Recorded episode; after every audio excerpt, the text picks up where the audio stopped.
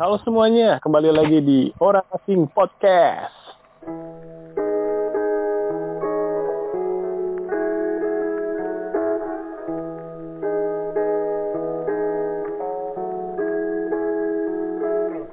Yeay.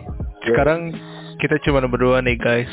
Si Gandul mic-nya agak kenapa gitu. Jadi dia nggak nggak bisa join sama kita.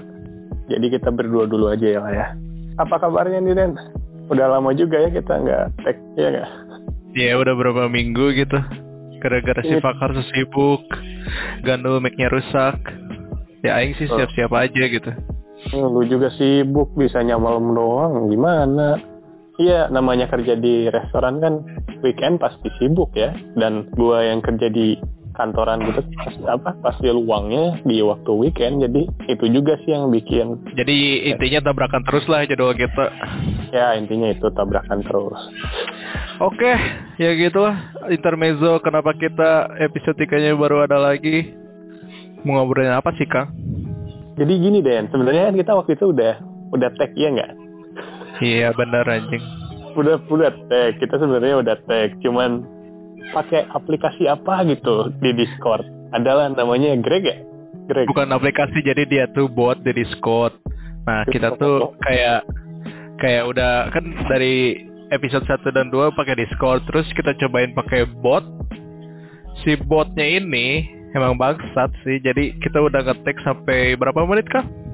Anjir 43, 45. Ya pokoknya pokoknya lama banget lah. Nah pas Hmm. di download tuh nggak bisa di download si uh, recording kitanya gitu. Emang bangsat itu Craig. Sama Ya pokoknya lah Wah, kita akhirnya bisa join lagi kumpul lagi sama kalian untuk episode 3 ini. Iya nih. Eh anyway, apa kabarnya nih kalian semua? Semoga baik-baik aja ya. Iya amin amin. Amin. Juga jangan lupa cuci tangan dan lain-lain memenuhi Ya. protokol kesehatan. Jaga jarak dan yang lainnya ya. Yo eh. Oke. Sekarang kita mau bahas apa sih anyway? Eh, lagi. kita tuh mau ngebahas kerjaan kita. Nah, oh iya, kerjaannya. eh, kenapa sih si Fakar yang otaknya enggak ini nih amat bisa ke Vietnam gitu? Iya. Itu aja gue emang gitu. ya gitulah. Terus pokoknya biar jadi terinspirasi kalian pokoknya. Mulai dari siapa dulu nih? Dari dari gue dulu atau lu dulu? Eh, mana dulu? Lu dulu. Oke. Gini nih nggak di briefing jadi nanya terus nih si Fakar. Mul- Mulainya gimana, kenapa bisa dapat kerjaan itu, terus profil pekerjaannya apa. Jadi kenapa sih bisa ke Vietnam, Kang? Terus apa sih perusahaannya? Jadi gini boys. Jadi gue tuh hmm, kayaknya Desember tahun lalu deh. Berarti satu tahun lalu kan? Hmm. Satu tahun lalu gue coba lamar-lamar kerjaan atau nyari pekerjaan di daerah Asia Tenggara lewat LinkedIn. Pasti kalian udah tahu dong LinkedIn. Ya dong. Nah jadi coba gue cari-cari lah daerah apa di daerah Jak- Jakarta Selatan, di daerah apa Southeast Asia Hmm. yang deket-deket dulu. Nah, lamar tuh ke perusahaan-perusahaan di Singapura, di Malaysia, dan sebagainya. Dan ada satu di Vietnam. Itu tuh Yo. niatnya eh, emang pengen di luar atau gimana sih, Kang? Niatnya ya pengen di luar sih. Emang kan dari, lu tahu sendiri kan, gua yang kena tipu yang di Jepang itu. Hmm.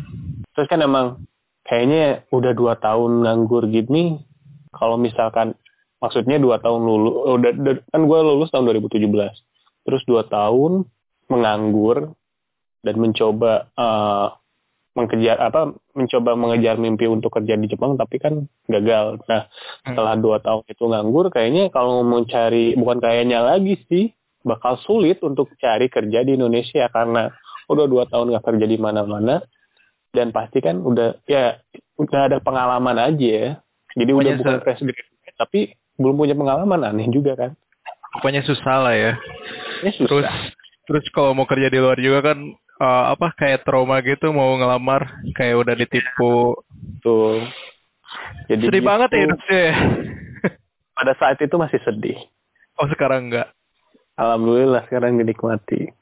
Nikmati prosesnya, nikmati Ngeri, proses. ngeri, ngeri, ngeri, ngeri. ngeri. Yo, iya. Ya, Kalau jadi gitu. kata lagu apa? From the bottom. Oh iya, from the bottom. Now we here. Starting from the bottom, now we here. Lah, lagu Drake ya. Heeh. Uh, So jadi gitu guys.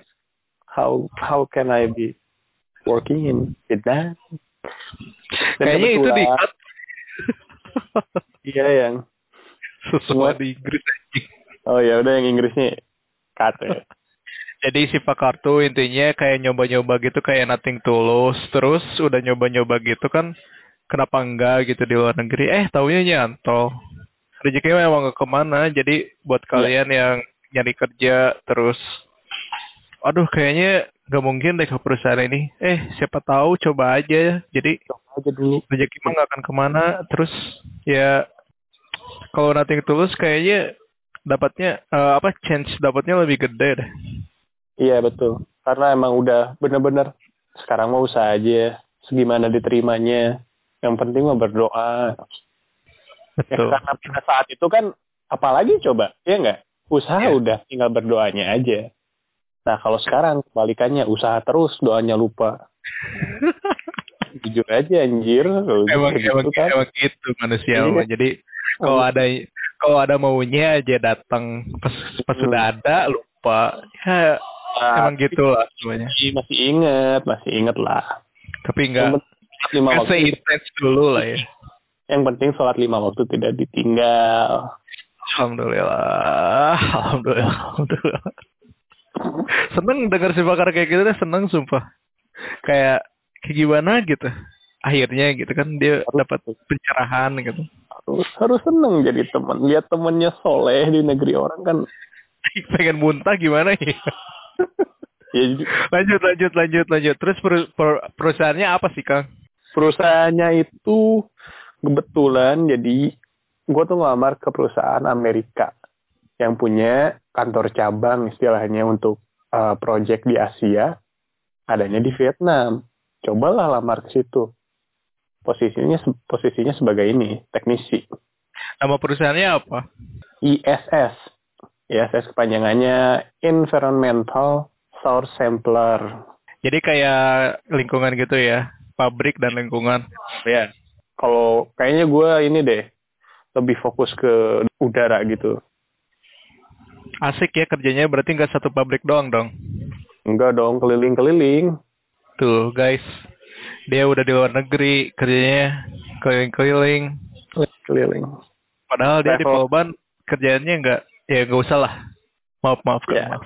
Gitu lah apa apa oh nggak apa apa nggak apa kan kan kerjanya ya keliling-keliling juga tapi maksudnya keliling-keliling itu kan keliling ke tiap eh, apa namanya workshop. Pokoknya teknik mesin kan pasti kerjaannya ya gitu maksudnya di depan mesin bikin sesuatu gitu. Kayak pabrik lah istilahnya. Dan pas lu kerja dan lu apa pas lu masuk ke dunia kerja yang gua tahu sih kerjanya rata-rata stagnan ya iya nggak? Monoton kayaknya sih ya sih. Kayaknya kayaknya kan dan tapi gua semuanya. mas- ya betul. Dan gua sekarang masuk ke dunia kerja yang benar-benar beda jauh lah. Sebenarnya kan ini bukan ruang lingkup teknik mesin kayaknya ya. teknik mesinnya ada mungkin untuk perawatan Ada. mesinnya. Ada itu masuk Cuman- ma- masuknya ke teknik kayak industri gitu kan iya teknik lingkungan ada kan? Teknik lingkungan dan industri disatuin. Hmm. jadi gitu guys oke Asik-asik. Terus eh bedanya kerja di sana sama di Indonesia apa sih? Kayak jamnya beda enggak gitu. Terus eh digajinya berapa? Terus aing kayak na reporter ya. apa Enak banget ya sih tinggal ngejawab ya. ya dong nanti kan gantian nanti kan gantian Oh gitu. Oke oke. Jawaban Jadi- jawab. untuk ruang ter apa Apa ayo? ini lupa naon deh Siapa dah anjing? Ah, jadi bedanya apa sih kerja di sana sama di Indo? kalau untuk jam kerja karena ini meskipun uh, perusahaan gua sekarang perusahaan Amerika tapi uh, anjing sombong banget ya jadi gini loh jadi meskipun perusahaannya perusahaan Amerika tapi kan ada di negara Vietnam. Jadi harus mengikuti aturan di sini. Untuk jam kerja sama aja. Sama di Indonesia gue masuk jam setengah sembilan. Pulang jam setengah enam, kadang jam enam. Jam enam maghrib, jam enam malam. Kalau untuk gaji sih Eh, bentar dulu Aing tahu yang ngebedain apa. apa? Pasti istirahatnya ke sholat zuhur. Iya istirahatnya sholat zuhur, eh, Oh gitu. soma. Oh gitu. Berjamaah gitu di Vietnam ya. Ya enggak lah, kalau berjamaah enggak susah. Oh. Paling sholat Jumat doang yang berjamaah harus ke Di masjid. mana tuh Kang sholatnya Kang? Di masjid ada bos. Bukannya cuma satu ya masjid. Masjid cuma satu di Hanoi. Kalau kan gua gua tuh kerjanya di Hanoi ya, di kota Hanoi, di kapital, di ibu kotanya. Oh. Di ibu kotanya masjid cuma satu. Jadi kalau kerja tuh pada ke sana semua gitu ya. Iya, nggak nggak semua juga. Ya, ya. I- yang maksud gak semua juga kamu atau yang lainnya ini? Yang lainnya, Oh gitu. yuk, yuk, next. apalagi Oh gitu. Terus ya, ya, ya, ya, ya. percaya lah, Aing percaya. Terus ah selain jam kerja gajinya gimana bedanya? gaji gaji beda sih, be- beda jauh. Gua eh kita kan lulusan D3 ya dan Eh ya Indonesia di UMR Karawang berapa? Yang paling gede kan Karawang ya? 4 juta Karawang. misalkan.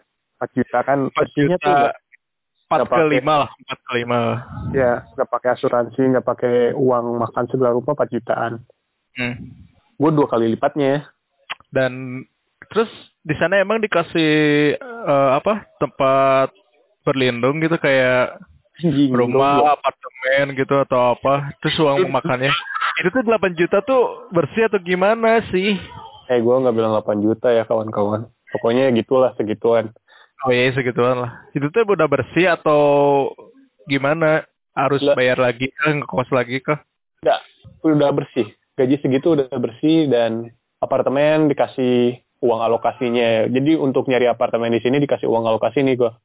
Nih lu Hmm. bodo amat lu mau nyari di mana, gue kasih duitnya aja. Kata perusahaan gue kayak gitu. Dan Hmm. dikasih duitnya lumayan 300 350 dolar berapa sih Den? Tiga juta setengah.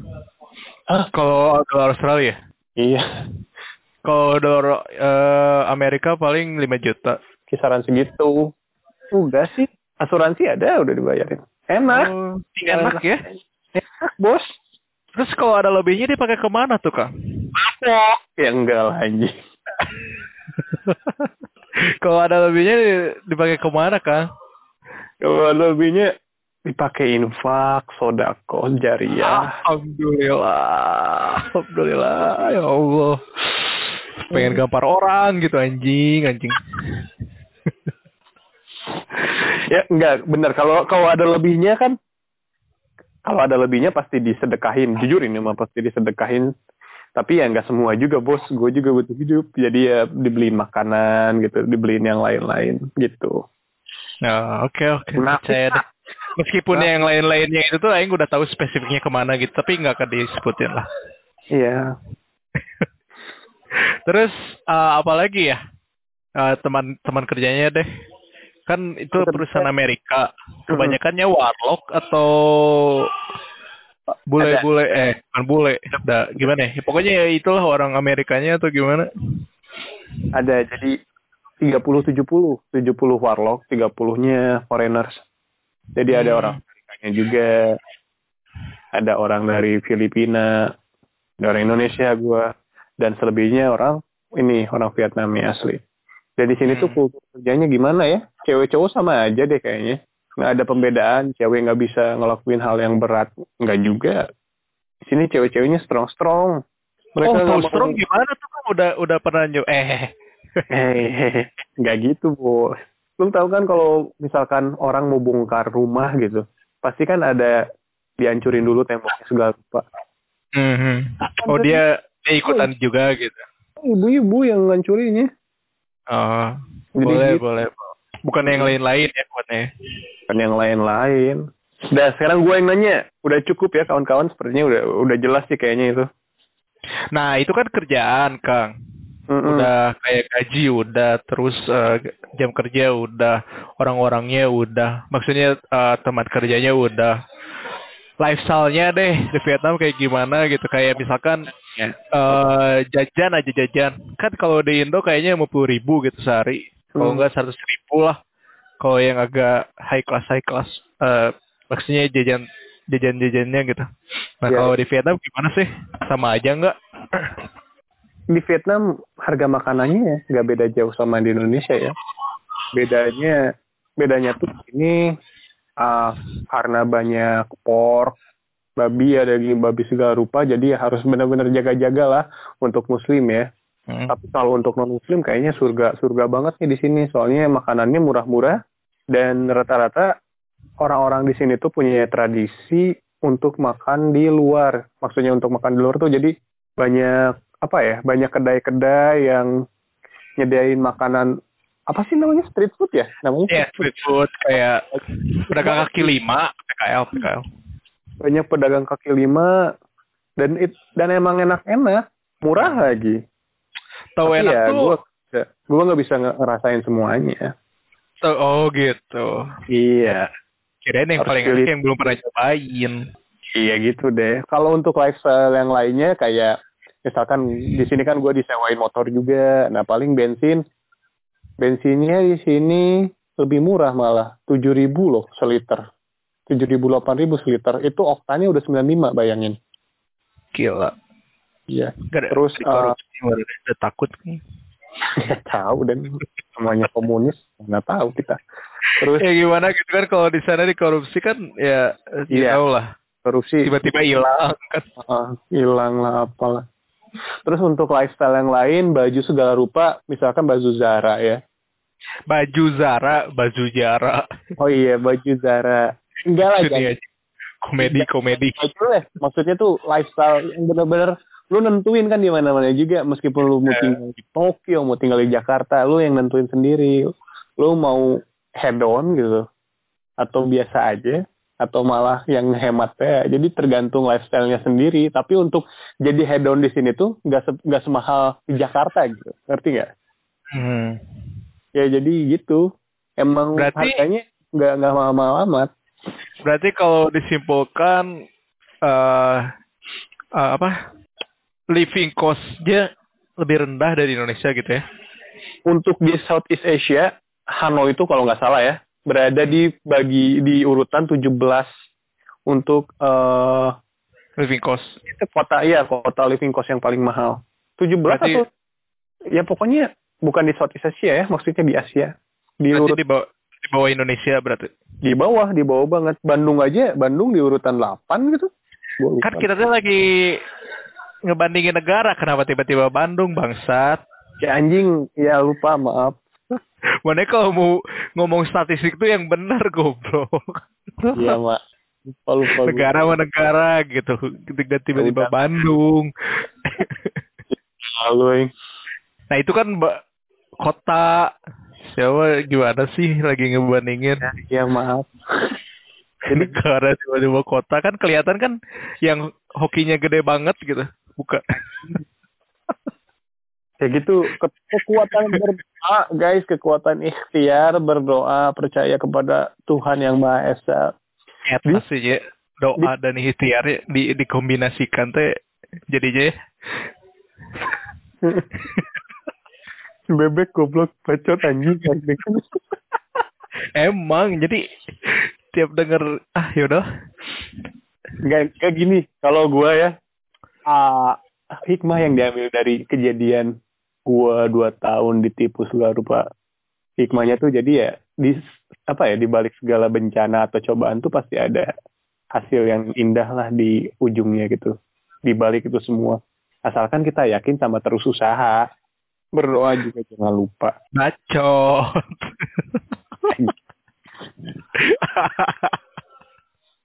bacot gitu ya. Tapi ya gitulah lumayan. Bang bener Tapi- sih. Semua Enggak, juga enggak. pada apa sih ada hikmahnya bener. Tapi kalau mana yang ngomong kayak bacot gitu. Sorry sorry sorry. Aing gak kuat. Harus keluar itu. Ya, jadi gitu guys. Untuk episode selanjutnya, gue yang bakal nanya balik si Dan ini. Apa aja? Kenapa dia bisa tiba-tiba jadi chef? Coba dari jurusan teknik mesin kan? Ya chef juga cuma cook cook. Iya, cook maksudnya. Ah, Jadi- ya udah deh, kita habisin aja episode ini. Iya. Dadah. Bye bye.